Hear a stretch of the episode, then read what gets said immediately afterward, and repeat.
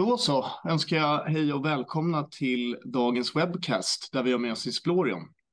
Med oss från bolaget har vi Johan Rask, vd, samt Per Gilliam, CFO för Insplorion.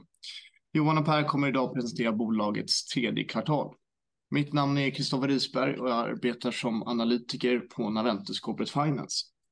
Efter presentationen så kommer vi köra en liten live Q&A så att ifall ni har några frågor är det bara att gå in på Finwires hemsida, klicka vidare på denna presentation och fylla i frågeformuläret därifrån.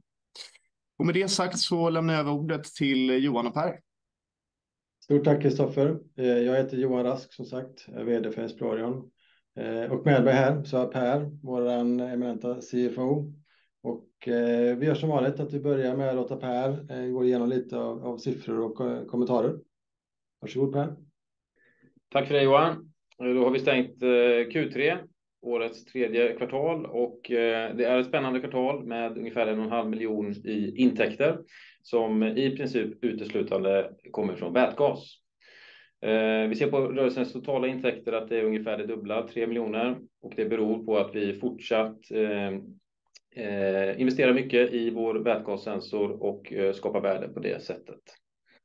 Eh, det som har genererat intäkterna under kvartalet är de här partnerskapen, partnerskapet med Consilium på ungefär 600 000. Vi har ett projektavtal inom flygindustrin och vi har order till Amogy, det amerikanska bolaget. Johan kommer att prata mer om de här sen. Och sen så har vi då företrädesemissionen som är stundande då. Det ska vi också prata lite mer om sen, men vi kan säga att likvida medel slutet på den här perioden då, 30 september, var 6,1 miljoner. Det var ungefär det jag tänkte säga. Jag lämnar över till Johan. Tack så mycket Per. Och jag börjar med att backa tillbaka lite grann till varför gör vi det vi gör? Eh, och komma in på hur vi gör det och eh, en del av de resultaten som Per nämnde här. Eh, det är helt enkelt att det är en enorm möjlighet. Eh, vätgas är en nyckel för en hållbar framtid. Och det är inte bara vi som har insett det. Tvärtom, det är väldigt många andra, framför allt länder runt om i världen. I stort sett alla länder av dignitet har en egen vätgasstrategi. Och det är lite grann av ett race just nu mellan EU och USA för att skapa så gynnsamma villkor som möjligt Eh, för bolagen inom sektorn att göra investeringar inom området. Det tycker vi naturligtvis är väldigt bra. Eh, det finns en uppskattning från McKinsey eh, om att ungefär $500 miljarder dollar kommer att investeras i den här värdekedjan fram till 2030. Man hävdar förvisso att det borde vara $700 miljarder dollar för att nå målen 2050, men även $500 miljarder dollar är mycket pengar. Vår roll i det här är att överallt där vätgas ska produceras, lagras, transporteras eller användas så behövs sensorer för säkerhet och effektivitet. Jag återkommer mer till det såklart. Jag brukar alltid ha ett exempel på vad som har hänt eh, nyligen eh, i omvärlden kring olika typer av initiativ. Det här var drygt tio dagar sedan som Joe Biden och Harris annonserade ett stort initiativ i USA där man ska investera $7 miljarder dollar i ett antal vätgashubbar. Det kommer bli ungefär 7 till 10. Eh, runt omkring i USA eh, för att driva på omställningen till eh, en hållbar värld och i det här fallet ett hållbart Amerika får man säga. De gör ju naturligtvis detta för att det är rätt sak att göra, men också för att länder som ligger i framkant här kommer att ha en konkurrensfördel längre fram och skapa både tillväxt och arbeten. Det är klart att sådana här saker är goda och bra drivkrafter för oss. Men alla de här investeringarna, det finns några viktiga saker att tänka på. Och En sak är säkerhet. Eh, vätgas är väldigt exklusiv och det är ju själva poängen, det är väldigt bra. Men det är också den allra minsta molekylen som finns, vilket gör att den är också väldigt bra eh, på att ta sig ut eh, från ställen där den borde vara kvar och ta sig till ställen där den inte borde vara.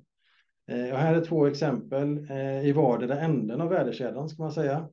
Eh, den till vänster är en eh, fabrik i Österrike som tillverkar eh, vätgastankar. Där man hade en stor explosion. Till höger så ser ni en bränslebuss eller bränslecellsdriven buss i USA som exploderade i samband med tankning. Lyckligtvis så var det minimalt med skadade människor i detta. Eh, men bara den här bussen som förstördes där är 12 miljoner kronor. Så säkerhet är kritiskt över hela värdekedjan. Och vad är det som gör att vi kan eh, ta en roll här? Det är några olika saker kring våra sensorer. Eh, det första är, och väldigt viktigt, är att de är specifika. Vi mäter bara vätgas, även när det finns andra gaser närvarande, vilket det oftast finns.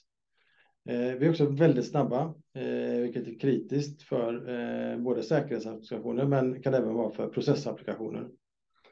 Vi behöver ingen syrgas för att fungera, vilket många andra sensorer gör. Och det här är naturligtvis extra viktigt när man tänker sig att man ska innesluta kritiska vätgasapplikationer i miljöer där man minimerar syret, vilket är bra ur ett säkerhetsperspektiv. Men man vill självklart mäta om det uppstår läckage ändå. Det är en optisk utläsning, vilket bidrar till säkerhet naturligtvis, men det gör också att vi kan avläsa sensorn på distans med hjälp av fiberoptik. Och i grunden är detta en flexibel plattform där vi genom att justera beläggningar och ytor så kan vi anpassa efter olika miljöer och situationer. Vad är vår strategi då? Vår strategi är helt enkelt att samarbeta med partners. Eh, det är nyckeln tror vi. Vi har en unik teknologi som kan lösa kundens behov, eh, men för att korta tid till marknad så behöver vi jobba med partners. Och det börjar nästan alltid med att vi på ett eller annat sätt diskuterar ett specifikt behov eller en specifik situation och att vi då visar och vi testar eh, tillsammans med den här kunden eller partner. De applikationer som vi tittar på, vi har en ganska stark förkärlek för detektion, det vill säga vi mäter vätgas eller detekterar vätgas där det inte borde finnas vätgas. Eh, och det här är applikationer egentligen över hela värdekedjan, varav två eh, vi såg tidigare här. När det gäller processövervakning, när eh, vätgas används i processer och det används i många processer, så vill vi gärna hålla oss närmare produktion än slutapplikation i dagsläget. Och det enkla skälet till det är att det kommer att behöva produceras enorma mängder grön vätgas för att möta behoven i framtiden. Men en strategi eh, är ju kul, eh, men det är extra kul när strategin håller och man kan visa resultat eh, från det vi gör. Under tredje kvartalet så har vi presenterat tre viktiga affärer för oss. Den första är inom den marina sektorn och det är med ett, som vi uttryckte då, ett ledande gas- och brandsäkerhetsbolag inom den marina sektorn. Detta bolag är Consilium. Eh, det namnet har vi släppt i samband med den här kvartalsrapporten, så nu är det officiellt.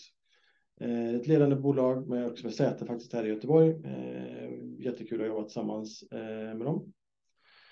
Vi gjorde ett projektavtal med en leverantör inom flygindustrin som levererar till de stora flygplanstillverkarna. Där vi tittar på dels en del utvärdering, men också en del utveckling.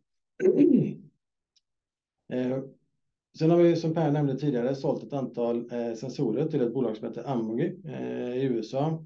De utvecklar en unik plattform där man tänker sig att, eh, eller där man gör, man splittar upp ammoniak i vätgas precis när man behöver vätgasen. Det finns ett antal fördelar med det.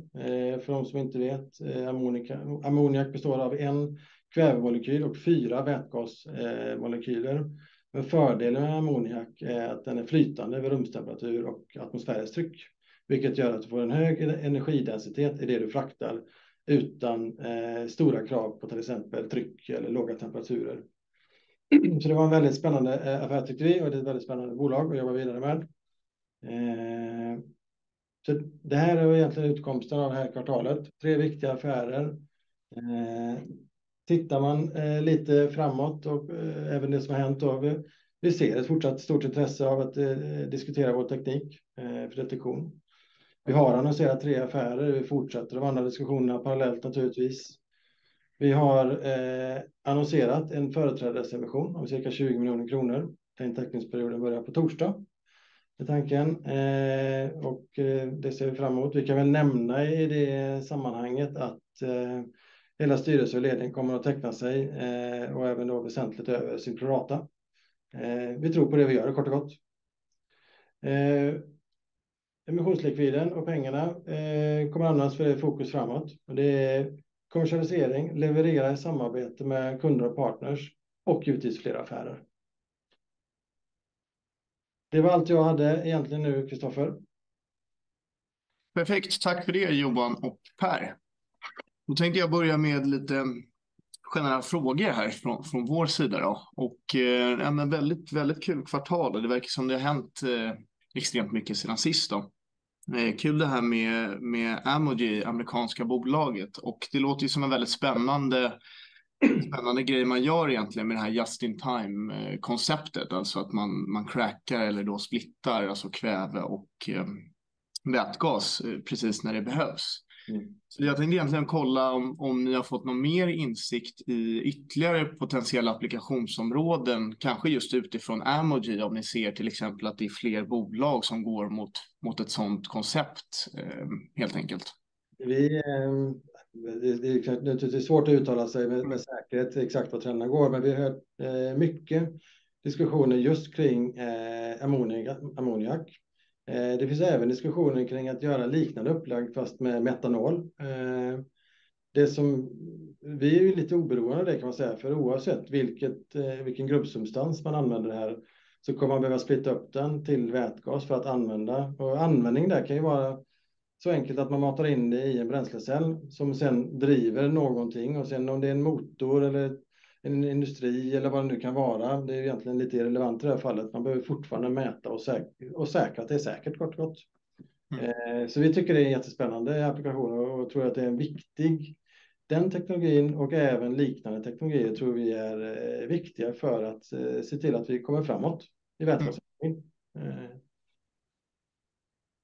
Ja, men perfekt. Mm. Um, Sen tänkte jag lite grann relatera till flygindustrin, prata lite grann om det här internationella företaget då. Eh, har ni, kan ni ge oss någon lite mer insikt i själva projektet för Explorion, om det, liksom hur det bidrar till kanske minska koldioxidutsläppen för flyg, eh, flygindustrin, om det kanske är kopplat till vätgas som bränsle exempelvis? Ja, det finns, eh, det finns en del debatter kring eh, flygindustrin där, men, men eh, bolag som vi har pratat med säger att på lång sikt så måste de gå över till vätgas. För andra råvaror som till exempel biofuel och sådana saker kommer inte räcka till eh, i det. Sen det är klart att tidslinjen där eh, kan vara relativt långa.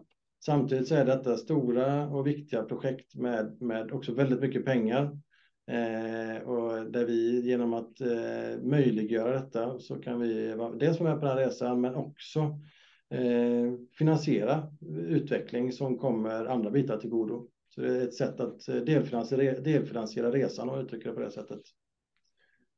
All right, all right.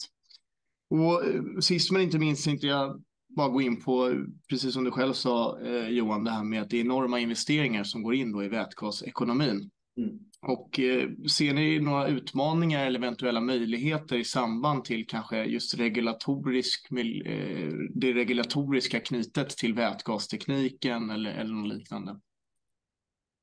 Ja, det är klart att det finns alltid hot och möjligheter. Eh, men om man mm. tar, om man tar det marina området som ett litet exempel Eh, så det man gör när man tittar på den här typen av applikationer är att man tittar ofta bakåt och ser vad, vad finns det för krav eh, idag om man tittar till exempel på flytande vätgas. Och så inser man att det, där kommer ju, det finns massa applicerbara delar eh, givetvis. Eh, men det finns också väldigt mycket som inte passar. Det är två väldigt olika gaser i, i grund och botten. Eh, och det, genom att vara med i det arbetet och den diskussionen just nu så kan vi också vara med och påverka vilka standarder och vilket sätt man ska jobba på. För standard formas ju inte helt sällan av vad är det möjligt att göra. Mm. Eh, och där kan vi bidra. Okej, okay, ja, men vad bra. Um, ja, nu verkar det inte som vi har fått in så mycket ytterligare frågor, så att, eh, jag tänkte säga stort tack till alla som har varit med och lyssnat samt såklart tack till både Johan och Per för att presentera bolagets tredje kvartal. Så hoppas jag att vi hörs inför nästa kvartalsrapport. Garanterat. Tack så mycket. Tack allihopa. Tack.